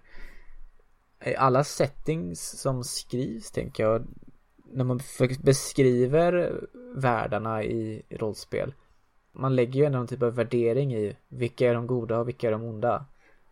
Man skriver ju från en, en viss synvinkel liksom. Och det, det tror jag är svårt att undvika på något sätt. Att, att skriva från bådas synvinklar. Att man skulle kunna se de här andra alverna som ses som mörka då liksom och onda. Att man skulle kunna se, förklara deras eh, synvinkel också. På, på lika, och ge det lika mycket plats. Det tror jag inte görs så ofta va? Nej. Nej, men man försöker väl kanske mer idag. Eller hur skulle du säga om du skulle säga Kopparhavet till exempel? Skulle du... Jag skulle väl säga att, alltså återigen, det känns som att Martin återigen syftar på äldre Ja. populärkultur. Jag tror, alltså om ni har varit inne på sci-fi bokhandeln de senaste 20 åren, nej men de senaste åren i alla fall, så alltså det är ju PK-fantasyn är ju enorm. Och det är väl tur. Jag menar, Ja. men jag tror inte att det riktigt det som, det som kommer ut och nå fantasyläsare idag är nog inte riktigt det som Martin beskriver. Däremot så är ju många av klassikerna inom genren lider nog av det han beskriver. Och det är ju de klassikerna tyvärr, tyvärr eller så här, som, som vi nu ser komma på streamingtjänsterna liksom. När vi ser Tolkien och Robert Jordan och The Witcher. jag säger inte att de är rasister eller rasistiska verk liksom. Men det är ju uppenbarligen en utmaning för eh, filmskaparna att göra det mer representativt, mer genusmedvetet och HBTQ-medveten. ja, hbtq-vänligt liksom. Svår fråga, känner jag. Vi kommer kanske inte vidare där. Nej, vi gör så här istället att vi, vi tvingades vidare till en, eh, en eh, tangerande fråga som eh, lyder så här då. Martin har skrivit. Alver tar i många fall rollen som naturfolk eller urinvånare jämfört med människans mer moderna samhällen och teknik. Kan det vara problematiskt eh, och leda till att mänskliga ursprungsbefolkningar i spelvärlden och utanför den ofta inte blir representerade? Vad tycker vi om det? Det är lite, går ju lite stick i stäv med frågan innan här då att de skulle vara högburna, intelligenta, stoiska, vackra och det här. Men som vi har sagt innan så finns det ju oftast två eller, eller fler varianter då. Eh, Så här pratar vi då om alven som är mer av, mer av ett eh, naturfolk. Ja, helt klart skulle jag säga. Ja, Till skillnad från föregående fråga så känns det som att det här förekommer mycket mer fortfarande. Och jag tänkte på att den andra sidan av samma problem är ju också att när ursprungsbefolkning väl förekommer så är gestaltningen av dessa i sig oftast problematisk för den är ofta så här vad ska man säga, något, det finns något så här skuldmedvetet över den. Den är ofta så här glorifierad. Men likväl och därmed en stereotyp, den är exotifierande och därmed även rasistisk liksom. Man tänker på den ädla vilden, den stereotypen liksom. exakt.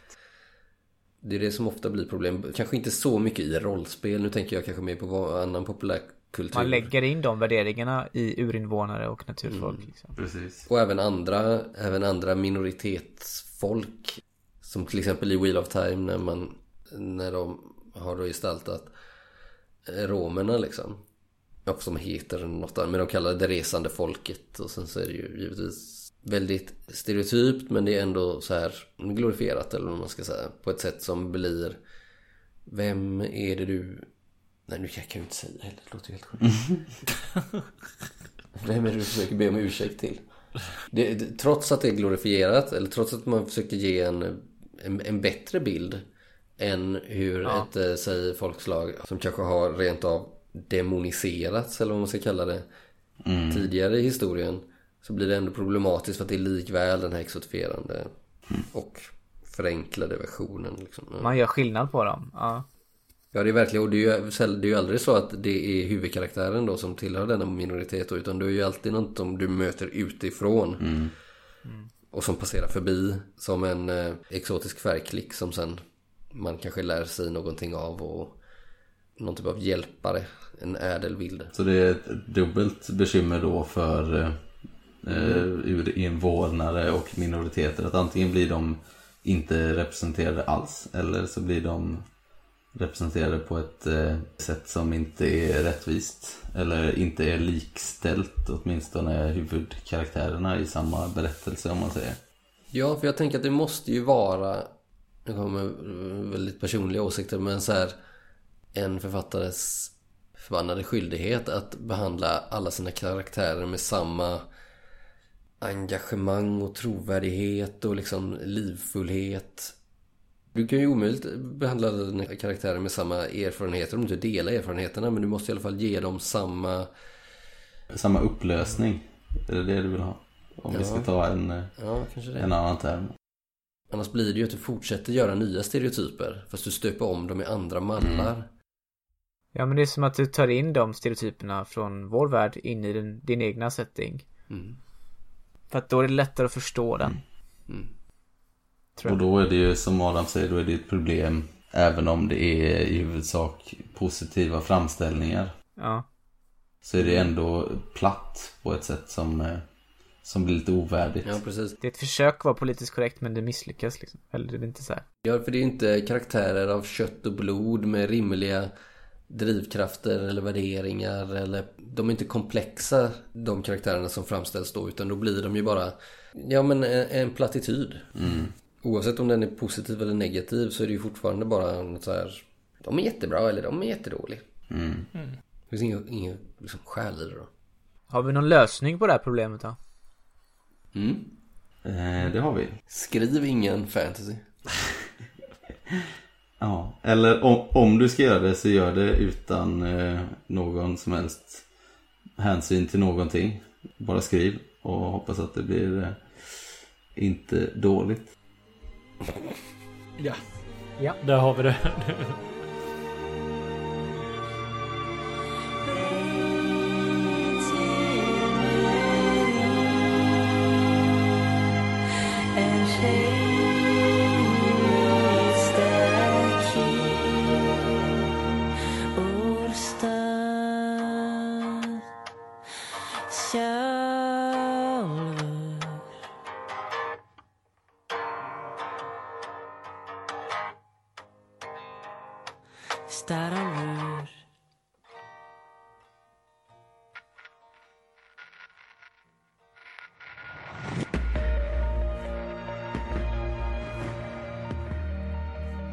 Kan vi gå vidare till Martin, nästa fråga.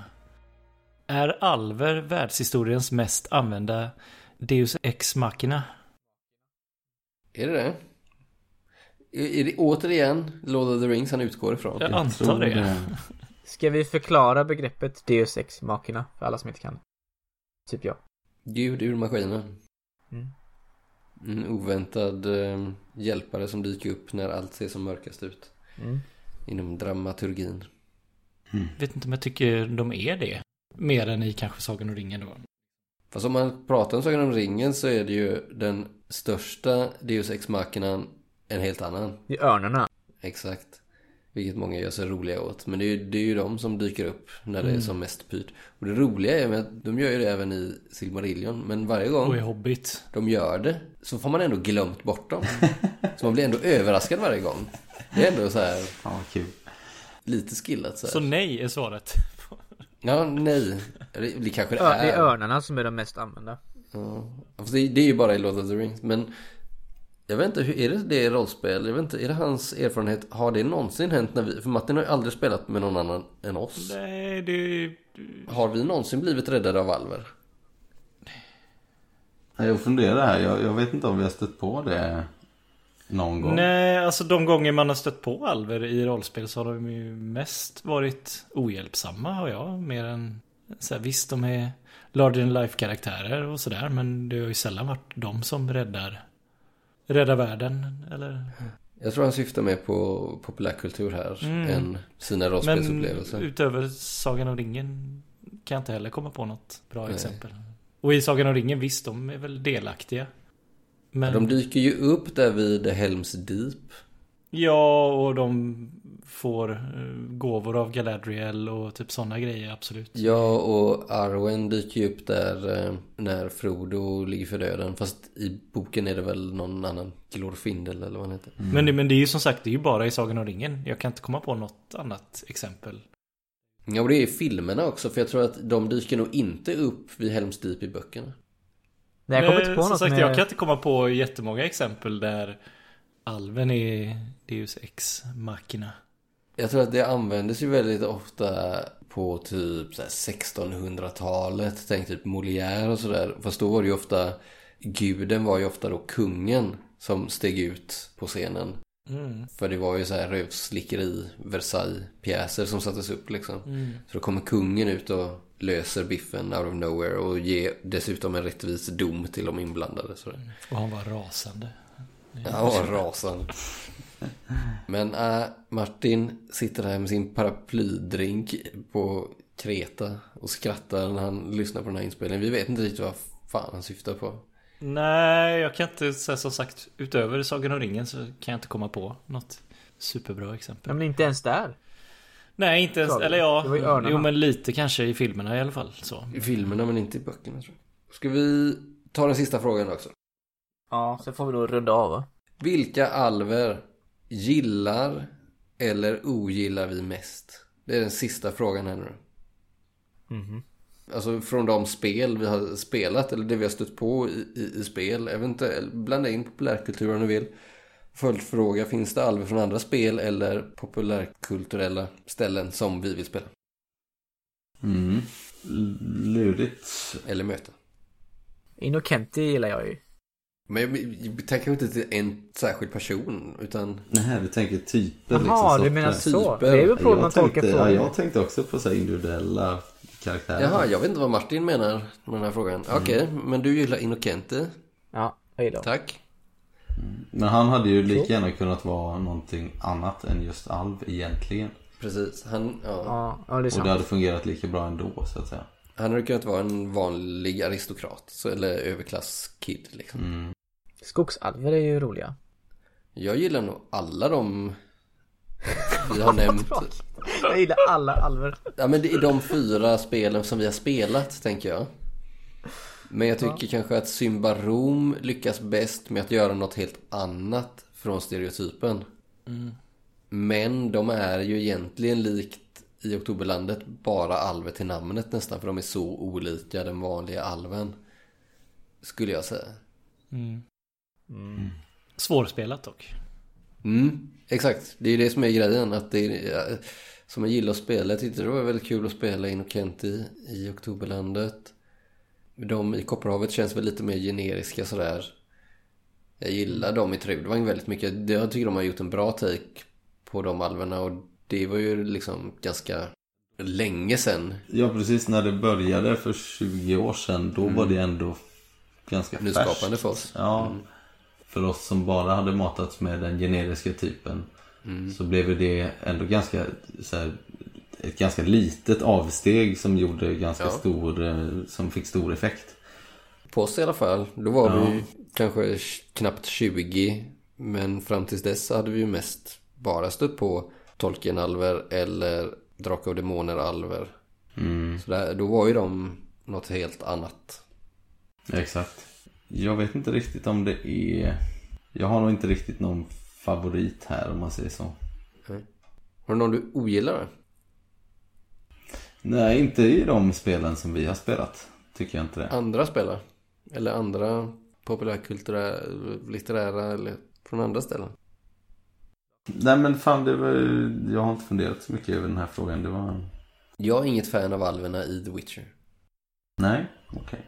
Det är väl inte jag heller. Jag, kan, jag, jag har ju tittat på serien. Jag tror inte jag har sett alla avsnitt och jag har väl tittat lite medan jag har gjort andra saker också. Så jag har inte varit så jätteengagerad i det.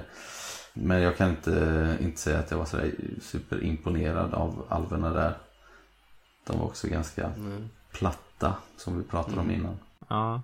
En specifik karaktär som vill ha lite så legendstatus inom D&D och eh, Dritz tänker du på ja. precis Drist, Eller vad heter han? Drist eh, Durden. Som eh, jag minns att jag köpte den här eh, trilogin om Drist när jag var 15 eller något sånt och läste ett par gånger faktiskt. Det är ingen, ingen sådär stor litteratur direkt men jag vet att jag fastnade för det. Just de böckerna liksom. Och han är ju en, en drow då som vi pratade om tidigare. Den här typiska mörkeralven då fast de är inverterade i, i hud och hårfärg så att de är De har svart hy och vitt hår liksom. Och en sån typisk eh, dd skapelse Som ändå har varit med väldigt länge i dd sammanhang Skulle jag säga. Jag tycker inte att en eh, Drow-fenomenet är något som jag skulle vilja lyfta in eh, när vi spelar direkt men eh, vad jag minns då så var det också lite sådär, det- det fick lite mer djup. Alltså att hela den kulturen beskrevs lite mer att det var någon typ av matriarkalt eh, förtryck där och alla bröts liksom ner och deras natur deras natur var väl egentligen inte att de skulle vara så här grymma och vilja tortera folk och sådär men att att det var, det blev så på grund av det samhället eh, som de hade byggt upp då. Freud was right. Ja, kanske det. Nej men och, där, och då, då handlar det om den här figuren Drista och han gör ju Han vill ju inte vara en del av det Den kulturen helt enkelt så att han Ger sig av därifrån till slut En man som vågar säga nej. Fan. Ja. ja.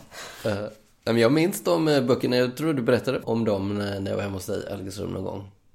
mm. Passionerat. Jag har nog kvar den eh, samlingen här någonstans tror jag Ska vi berätta för lyssnarna var Algutsrum ligger någonstans? Nej, det tycker jag inte. På Öland. Home of the Elves. det, egentligen, egentligen vill jag ha sagt med det, det var bara att där var det en alvkaraktär som fick väldigt mycket djup i och med att det var huvudpersonen i en berättelse som man fick liksom vara med i hans huvud. Utan att han för den skull blev för mänsklig. Det fanns fortfarande någon typ av mystik kvar. Det var det som var så välgjort om man säger. Ja, men det är coolt ja. Det är ju lyckat. Mm. Mm. Jag har en, men det är ju rätt mycket spoilers i det, så jag vet inte om jag ska... Antingen en spoilervarning, att om man ska spela det så får man sluta lyssna nu, eller så skiter jag i det bara. Mm. Nu har de fått en varning. Pausa i två minuter från och med nu. Ja, men det finns en alv i kampanjen Curse of Strahd till D&D som är rätt fräck tycker jag. Hela den kampanjen går ut på att man kommer till ett land som är förbannat och eh, den som leder det är Greve Strad som är en vampyr liksom, så här ganska generisk plott. Men han har i alla fall en, vad han kallar en, en halvbror som är alv. Som man genom hela, eller jag i alla fall genom hela kampanjen trodde att han var vampyr. Men det visar sig bara att han är en väldigt gammal alv som har blivit korrumperad av ondska typ. Och ja men lever och beter sig som en vampyr fast han är alv. Suger blod på skoj. Ja men typ liksom. Alltså så här, han, är, han har bl- bara blivit korrumperad och det, jag tyckte det var en cool plot twist. Och... Då borde man ju fan nästan kategoriseras som vampyr. Ändå. Jo, vad, vad är ja, han- skillnaden tänker jag? Eller alltså, Nej nej, nej nej men han, han har ju inte, The powers. han har aldrig blivit biten så att han är ju inte vampyr på det Han är sättet. bara nej. riktig jävla psykopat. men per definition så är han ju, ja då är han ju vampyr. Eftersom han dricker blod. Och framförallt riktigt sjuk i huvudet. Ja. Får jag bara flika in en grej där? Det var en, det var en spaning som jag hade.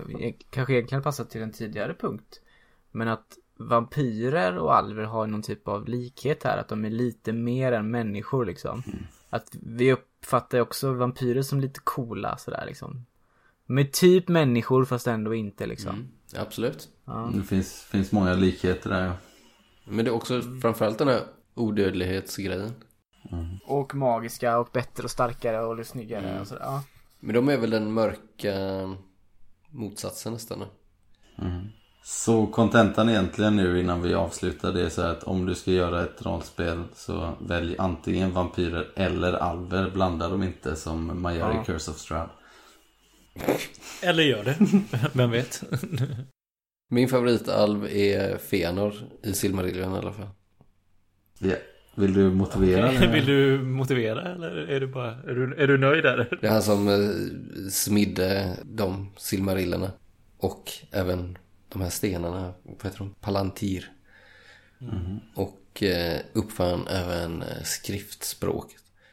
Och elden och hjulet. Kille. Grym ju. Han är grym var han, men han var också... Uppfann skriftspråket är väl hans största bedrift tänker jag. Ja. Nej, det var Silmarillerna. Han var ändå en, en komplex eh, alfkaraktär som... Eh, ja, han var väldigt ambitiös och eh, självisk och eh, drog in eh, alverna i ett eh, mörkare öde liksom. På grund av sina ambitioner. Låter som Ino Kenti. Och så en extremt driven, eh, begåvad men smått eh, sociopatisk figur. Mm. Han gillar jag. Som karaktär. Ja, okej. Ja, jag förstår. Inte som kompis. Nej, det hade jag nog inte velat ha. Nej, vad känner vi? Ska vi kunna summera det här på något sätt då? Har vi verkligen eh, tömt oss på Ja, det tror jag. tömt oss på alver? Vi har fan tömt oss på varandra. Jag kan inte... Tömt Ja, men jag tror vi har tömt oss. Så finns det mycket att eh, tycka och tänka kring alver uppenbarligen och även om vi inte är några experter så har vi eh, Petat på denna heta potatis. mm, den här heta potatis som är alver. Ja, men det verkar ju vara ett bestående tema liksom. Alver tillhör fantasy. Alltså det finns ju även en sån här sci-fi. De fortsätter vara aktuella på olika sätt. Eh, inte minst i den breda populärkulturen tänker jag. Och uppenbarligen så verkar det ju vara lite av en vattendelare liksom. Huruvida de är coola och balla eller... Töntiga. Men vi kan väl säga så här att eh, efter att vi har fått ut det här och om våra lyssnare har eh, frågor i ämnet eller andra frågor så kommer vi spela in eh, nyårspodd även i år så som alla år även om vi inte har släppt så mycket i år. Så välkomna med era frågor eller egna åsikter oavsett om det är om eh, alver eller om det är om annat. Vi kanske har missat något eh, som ni hade tyckt var intressant att höra våra åsikter om. Så det här är ju påhittat alltihopa ju. Alver finns ju inte på riktigt. Då får, vi, då får vi göra om det här. Jag känner att jag gick in med helt fel eh, förkunskap. Nej men med de orden så får vi väl eh, helt enkelt hoppas att Martin kan eh, ha fått lite hjälp på traven här. Komma tillbaka från Hongkong. Ja, förhoppningsvis. Mm, tack för oss den här gången. tack, tack. Tack så mycket. Bye bye.